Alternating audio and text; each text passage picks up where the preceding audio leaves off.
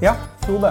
Hei, Frode. Ny episode med Brobyggerne. Ja, nå er vi i gang igjen. Til tross for å ikke fått gjort noe med denne her eh, hårreisende introplingen. Men eh, vi jobber med saken. Den er rimelig. rimelig. Det, det er den i hvert fall. Vi er på besøk nå i eh, LO-huset. Til slutt. Vi er faktisk på besøk hos Julie Løvrup, som er førstesekretær i LO siden 2017. Og på Wikipedia står det Fagforeningsperson 'og politiker'. og politiker. Og skal vi bare gå rett på? Ja. Spørre eh, Julie, eller ønske velkommen, kanskje? da? Eller, Ja, velkommen. Tusen takk. Si at vi får, Ja, takk for at vi får vi får lov å komme på besøk. Sånn er det kanskje. Eh, og hva For det første, hva er en førstesekretær? Eh, Det er, sitter man i den valgte ledelsen i LO.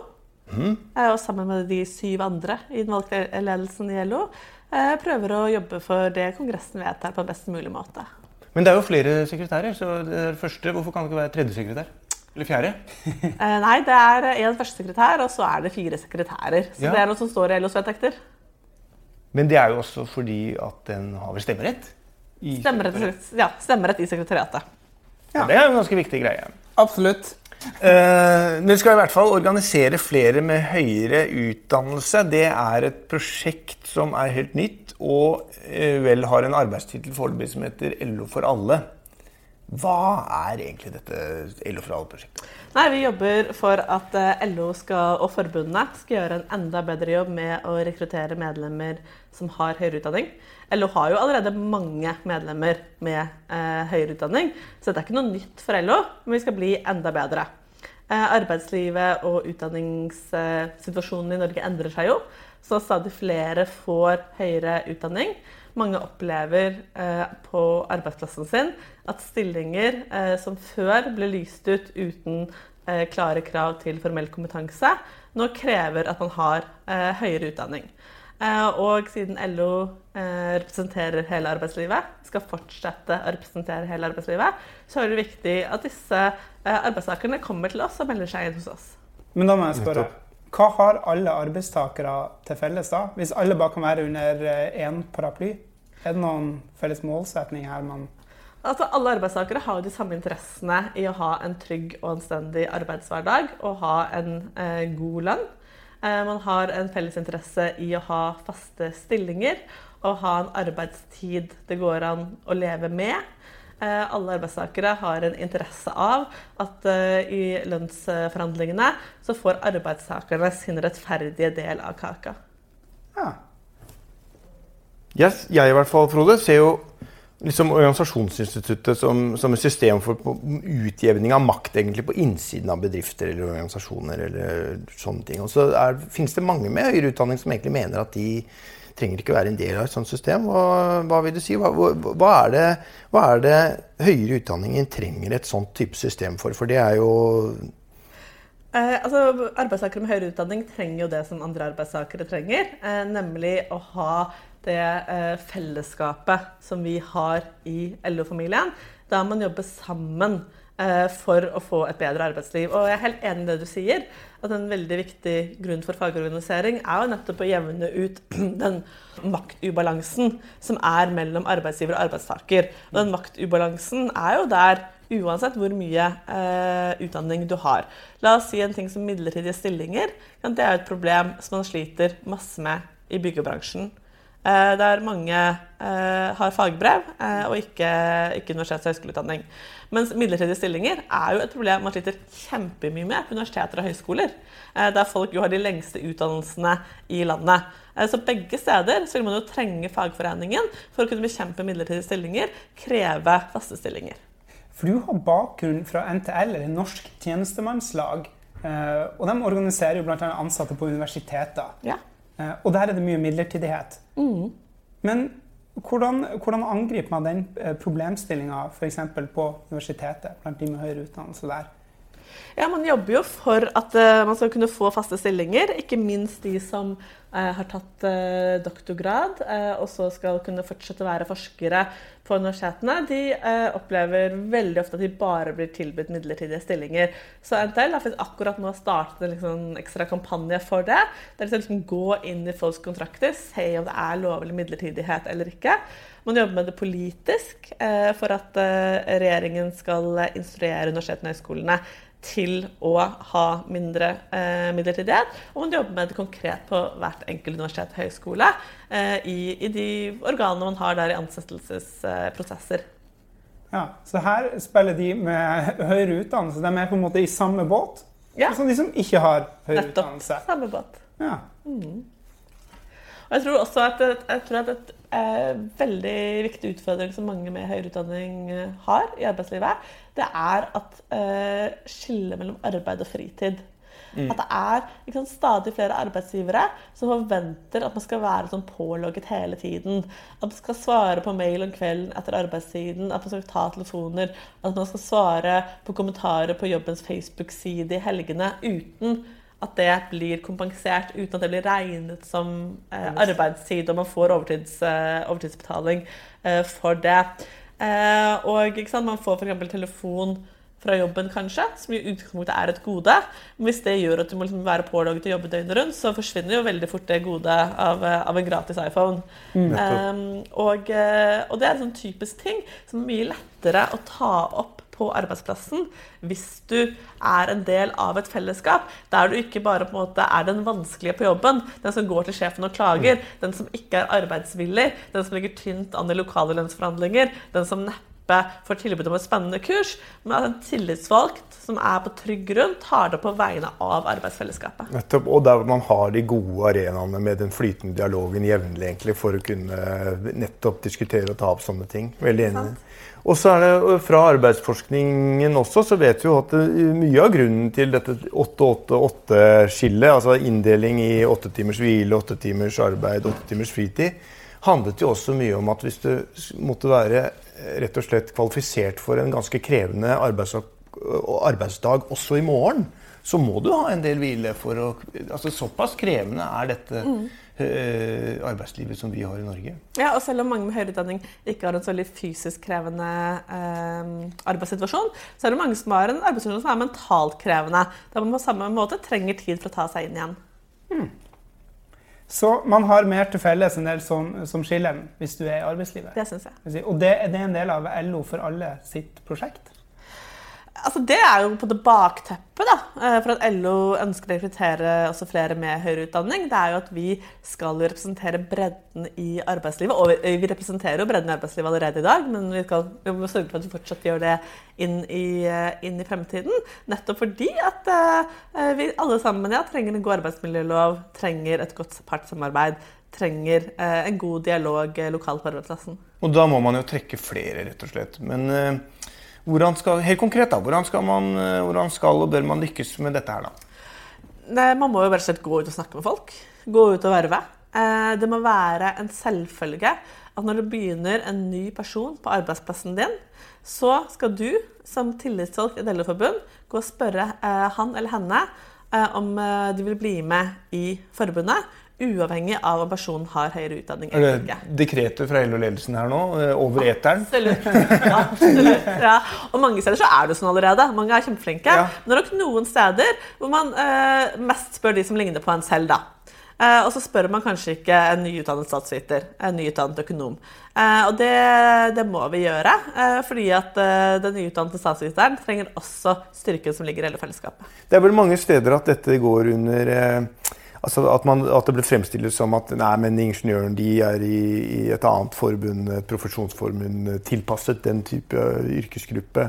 Eh, noen eh, er økonomer eller andre som hører mye bedre hjemme akkurat der og der. Hvordan eh, eh, ja. Hvordan får du det til å gå i hop? Altså, Jeg mener jo at eh, alle hører veldig godt hjemme i LO. Eh, men eh, det er klart at eh, formålet med prosjektet her, det er jo å verve uorganiserte. Eh, og det er jo veldig mange som er uorganiserte eh, i Norge. Eh, og de tenker vi burde være med, være med i LO. Og som sagt så er det jo allerede mange med høyere utdanning som er med i LO. Altså, det er jo mange økonomer og ingeniører som allerede i mange tiår har sagt at LO det er forbundet for meg. Og det er ingen grunn til at ikke flere skal kunne gjøre det. Men er det en misforståelse at LO ikke har peiling på hva disse folka driver med, f.eks.?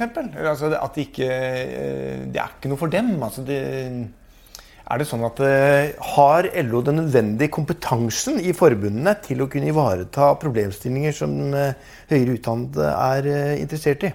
Ja, det mener jeg. Eh, hvis noen mener at jeg ikke har peiling på hva høyere utdannede driver med, så mener jeg de tar feil. Eh, for alle kan jo ikke ha peiling på hva man driver med alle steder. Altså, jeg har kanskje ikke peiling på hva en bilmekaniker driver med, men det er veldig mange LO som har det. Eh, og det er veldig mange i LO som har peiling på hva en ingeniør driver med, eller som har peiling eh, på hva en økonom driver med. Altså Det er så mye samlet kompetanse i LO. Det er jo det beste med å være med i LO. Det er hvor sjukt mye kompetanse som finnes i LO totalt sett. Men så kan vi selvfølgelig bli bedre på mange ting. Ja, og det skal vi bli, men da må vi nettopp få inn medlemmer også. Ikke sant? Fordi at Hvis vi f.eks. i en industribedrift bare har fagarbeidere som medlemmer, så er det klart at vi vet mindre om arbeidsdagen til ingeniørene. Eh, men hvis vi også får med dem, så vil vi jo umiddelbart øke kompetansen vår. Fordi at de da også vil komme på medlemsmøtene, bli tillitsvalgte, snakke om utfordringene de har i arbeidshverdagen. Så dette her henger jo veldig, altså Kompetanseheving og verving er, går jo her veldig hånd i hånd. Men hvis du skulle si noe som skilte LO fra andre hovedorganisasjoner, Mm. Er det at LO er politisk aktiv og har et samfunnsengasjement, eller er det at man får mer gjennomslag når det kommer tariffer, til, altså lønnsdannelse, eller hva, hva er forskjellen egentlig? Er, Ja, altså Det er jo to, eh, to viktige ting. det. LO har veldig dyktige tillitsvalgte som får bra gjennomslag i lønnsforhandlinger. Eh, LO har et samfunnsengasjement, og det gjør at vi eh, ser at mange kamper må tas både på den enkelte arbeidsplass og politisk for at man skal kunne få gjennomslag. Vi trenger jo f.eks. å jobbe politisk for å endre arbeidsmiljøloven, sånn at den beskytter arbeidstakerne på en bedre måte. Men for å sikre at arbeidsmiljøloven blir fulgt, så må vi ha gode tillitsvalgte på den enkelte arbeidsplass som sikrer det. For eksempel. Men det som også skiller LO fra de andre hovedorganisasjonene, er jo nettopp at vi har den bredden da, og har det helhetssynet. At vi f.eks.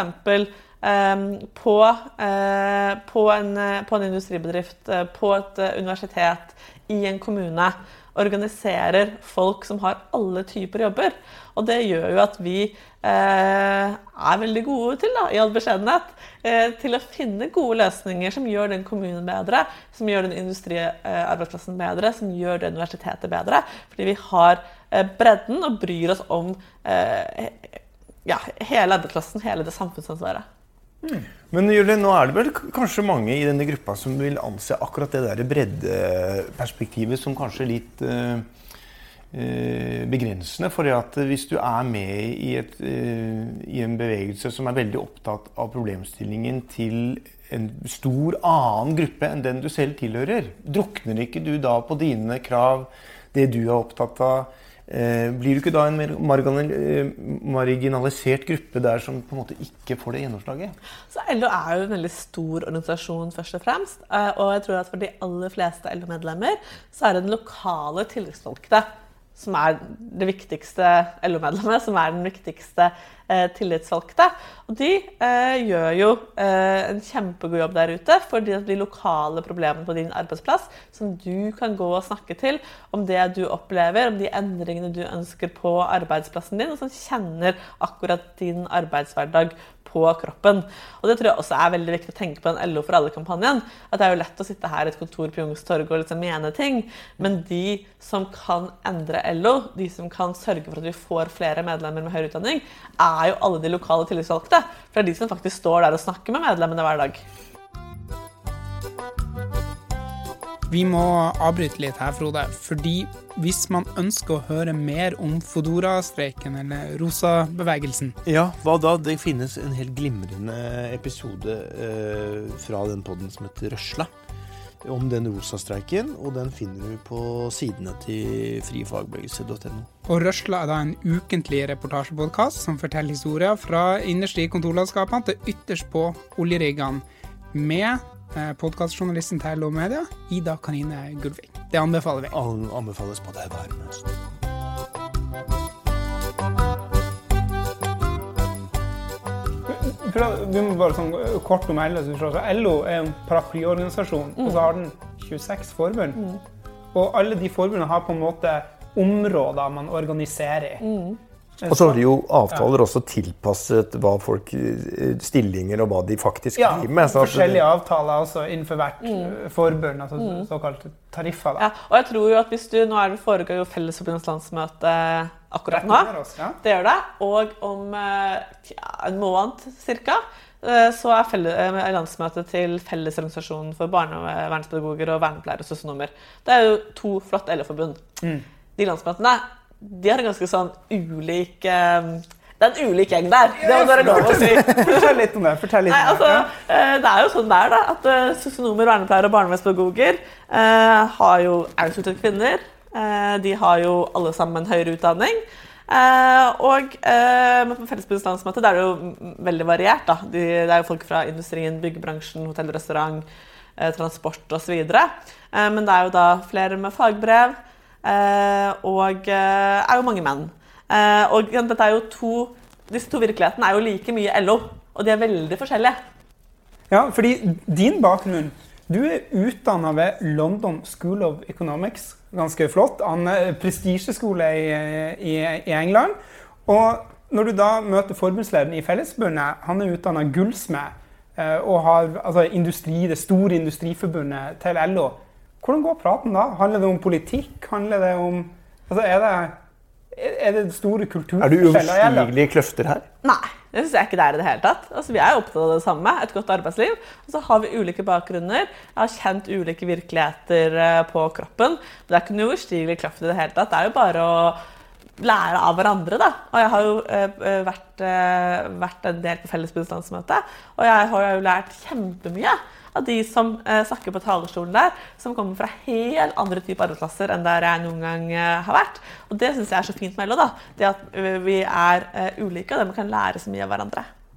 Mange kjenner vel LO eh, fra når LO-sjefen står eh, og uttaler seg i lønnsoppgjør. Eh, og da er den klare og tydelige profilen til LO den er å løfte i bunnen. Vi snakker om de som får minst, og skal løfte dem opp. Hvordan stemmer det her overens da, hvis du ikke føler at du er på bunnen? Eh, For det første så er det jo et klart element av solidaritet. Altså, De på bunn trenger jo virkelig et lønnsløft. Det er helt urimelig hvor lite mange i Norge tjener, og det tror jeg også de aller fleste med høyere utdanning er enig i. Eh, og så er det jo eh, dette med at det at vi har kollektive eh, oppgjør, der man løfter i bunn, der man løfter alle, det gagner jo også de som har, eh, har høyere lønn. Eh, fordi jeg tror at eller på mange arbeidsplasser der folk generelt har høyere utdanning, så trenger de det kollektive lønnsløftet for at alle skal kunne være med i lønnsutviklingen, alle skal kunne få høyere lønn, og det ikke skal bli sånn at sjefen kan måtte plukke sine favoritter, eh, som han eller hun gir høyere lønn, mens andre da står helt stille, som da vil si en reallønnsnedgang. Og det er jo gjerne resultatet hvis man ikke har kollektive forhandlinger, men at alt er individuelt på den enkelte arbeidsplass. Alternativet til kollektive forhandlinger, der vi løfter i bunn, der vi løfter alle, eh, er at eh, du er helt prisgitt eh, sjefens nåde på lønnsforhandlingene. Som for det første gjør at mange kommer til å ende opp med Men, men hvis sjefen liker meg veldig godt, går ikke det bra for meg da? Altså, det er jo flaks for deg, men hva hvis du opplever at det f.eks. er alvorlige sikkerhetsbrudd på arbeidsplassen din, Ja. som du vil si fra om fordi du er bekymret? Tør du da gå til sjefen din og si fra om det? Eh, fordi du da kanskje blir bråkebøtten som ikke får lønnsløft neste gang? Eller tenker du ja ja, litt sikkerhetsbrudd, det får gå?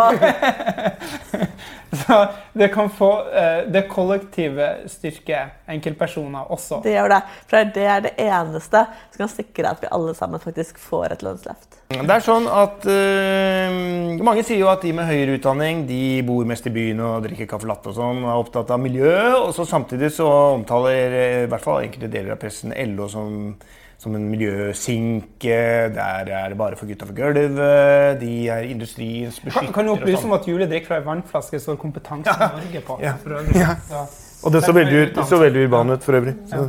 Men er det, hva sier du til det? Er det sant? Eh, Fellesforbundet har jo som sagt landsmøte nå, eh, og Jørn Eggum startet landsmøtet med å si at eh, Fellesforbundets medlemmer de er klimaløserne. Eh, Det er de som jobber på industribedrifter som har tatt enorme klimakutt de siste årene. eh, Som har sørget for at norsk industri er helt i tet eh, miljøvennlig. som har sørget for at norsk arbeidsliv stort sett er, er, veldig, er veldig klimavennlig. Og det tror jeg er det viktigste vi skal gjøre. For det Norge trenger nå, det er jo at man tar et sånn skikkelig klimagrep. Og hvordan skal vi kunne få gjort det? Jo, det er jo på skuldrene av den kompetansen som vi allerede har. Hvis vi skal bygge vindmøller, mm. så kommer jo ikke det ut av ingenting. Det kommer, eh, kommer, jo fra den kompetansen vi allerede har med, med industri. Mm. Med energi.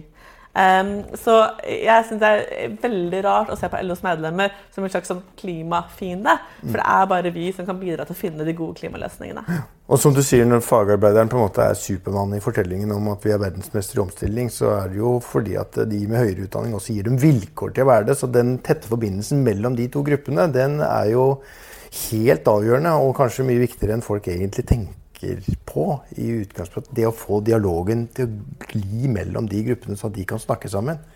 Å bruke det der eh, organisasjonsinstituttet på innsiden av bedriften til å få det til, det er jo virkelig Det jeg tror er kjernen kjerne i den norske modellen her, det er jo det at man har en så tett dialog på arbeidsplassene, sånn at sant, fagarbeideren og ingeniøren og sjefen sitter og snakker sammen.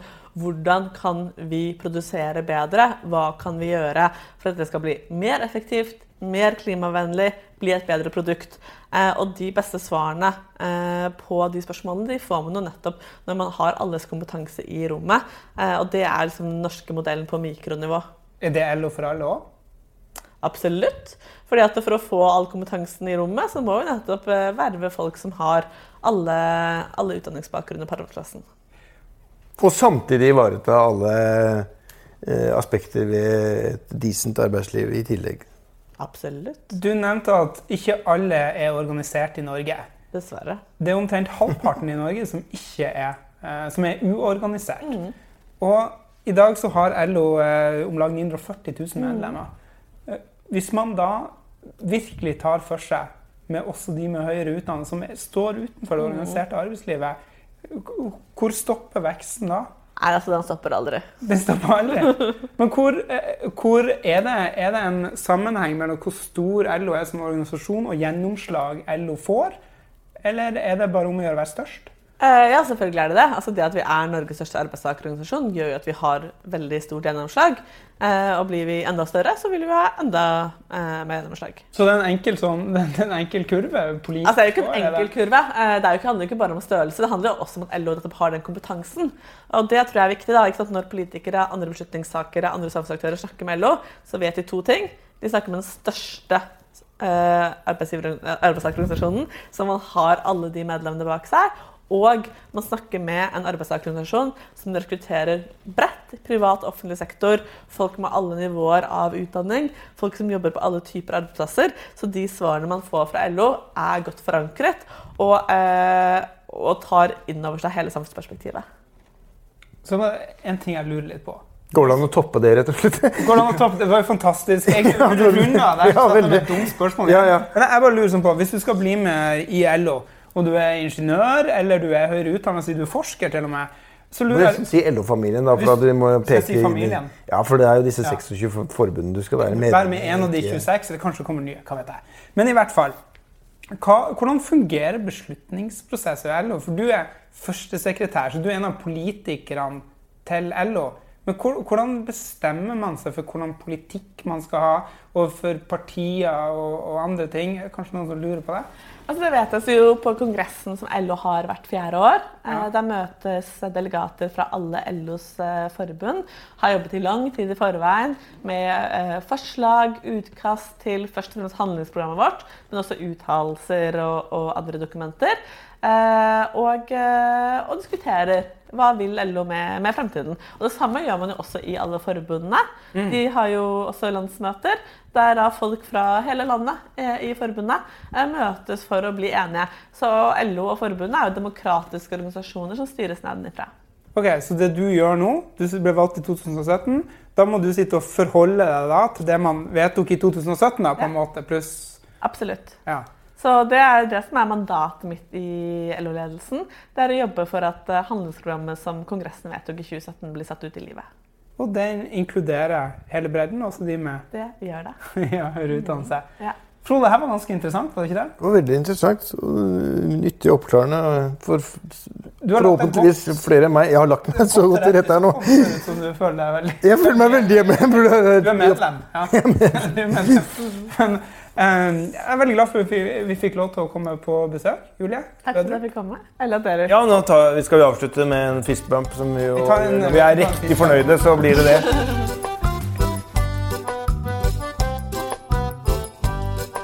Du, vet du hva, Frode. Her lærte jeg eh, noe nytt som var eh, interessant. Og det er når det er 26 eh, forbund under samme tak, og det er jo det man har i LO, Ja. så får man veldig bredt kompetansegrunnlag. ikke sant? Man har bred peiling. Og det betyr at uh, man også får gjennomslag og innflytelse uh, fordi man kjenner helheten. Ikke sant? Og det er en veldig fordel å være i et sånt miljø, organisert i et sånt miljø. Så um, det å være tilsluttet et uh, forbund som har den type peiling, det bør man absolutt søke når man skal være organisert, og ikke nødvendigvis veldig mye med hva du har av utdanning og ikke. Dette er podkasten Brobyggene som lages for LO Ingeniør. Følg oss på iTunes, Spotify, Facebook, Soundcloud, Acast SoundCloud er jeg som skal si Og det er du som skal si Soundcloud. Kan du si Instagram? Hvordan staves det? Instagram. Vi høres eh, neste gang. Det gjør vi. Ha det.